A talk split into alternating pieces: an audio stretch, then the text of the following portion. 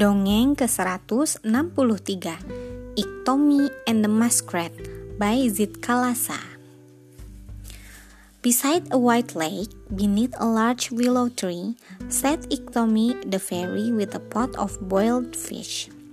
He quickly tucked in, for he was hungry.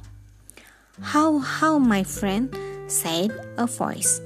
Iktomi jumped and almost choked on his soup. He peered to the long ridge from where he sat with his spoon in midair. How, my friend? said the voice again, this time at his side. Iktomi turned, and there stood a dripping wet muskrat. Ah, it is my friend who scared me. I wondered if a spirit voice was talking. How, how, my friend, said Iktomi. The muskrat stood smiling waiting for Iktomi to ask. My friend, will you sit down beside me and share my food? Yet Iktomi sat silent. He hummed an old song and beat gently on the pot with his spoon. The muskrat began to feel awkward and wished himself underwater.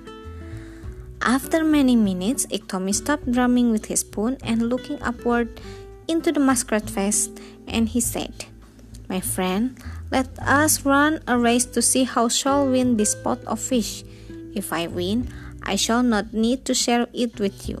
If you win, you shall have half of it. Springing to his feet, Iktomi began at once to tighten the belt about his waist. My friend Iktomi, I cannot run a race with you. I am not a swift runner, and you are nimble as a deer answered the hungry muskrat. Then I shall carry a large stone on my back. That will slow down my usual speed, and the rest will be fair one. Saying this, they laid a firm hand upon the muskrat's shoulder and walked to the edge of the lake. When they reached the opposite side, Iktomi searched for a heavy stone. He found one half buried in the shallow water. Pulling it into the dry land, he wrapped it his blanket. Now, my friend, you shall run on the left side of the lake, I on the other. The race is for the boiled fish in yonder kettle, said Iktomi. The muskrat helped to lift the heavy stone upon Iktomi's back.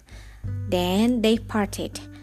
Each took a narrow path through the tall reeds on the shore. Tommy found his load a heavy one. He puffed and panted, and sweat dripped from his forehead.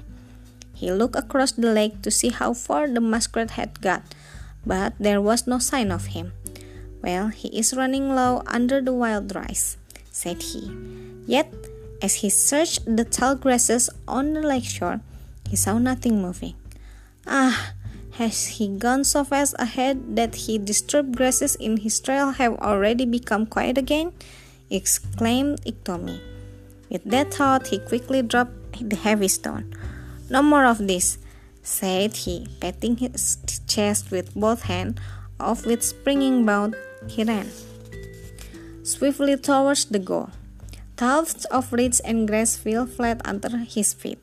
Soon he reached the heap of cold ashes. Iktomi halted stiff as he had struck an invisible cliff. His black eyes showed a ring of white about them as he stared at the empty ground. There was no pot of boiled fish. There was no muskrat inside. If only I had shared my food, I would not have lost it all. Why did I not remember the muskrat would run through the water? He swims faster than I could ever run. That is what he has done. He had laughed at me for carrying a weight on my back while he shot there like a runner. Ha ha ha, laughed the muskrat. Next time, say to a visiting friend, Be seated beside me, my friend, let me share my food with you. Sekian, terima kasih telah mendengarkan. Selamat malam.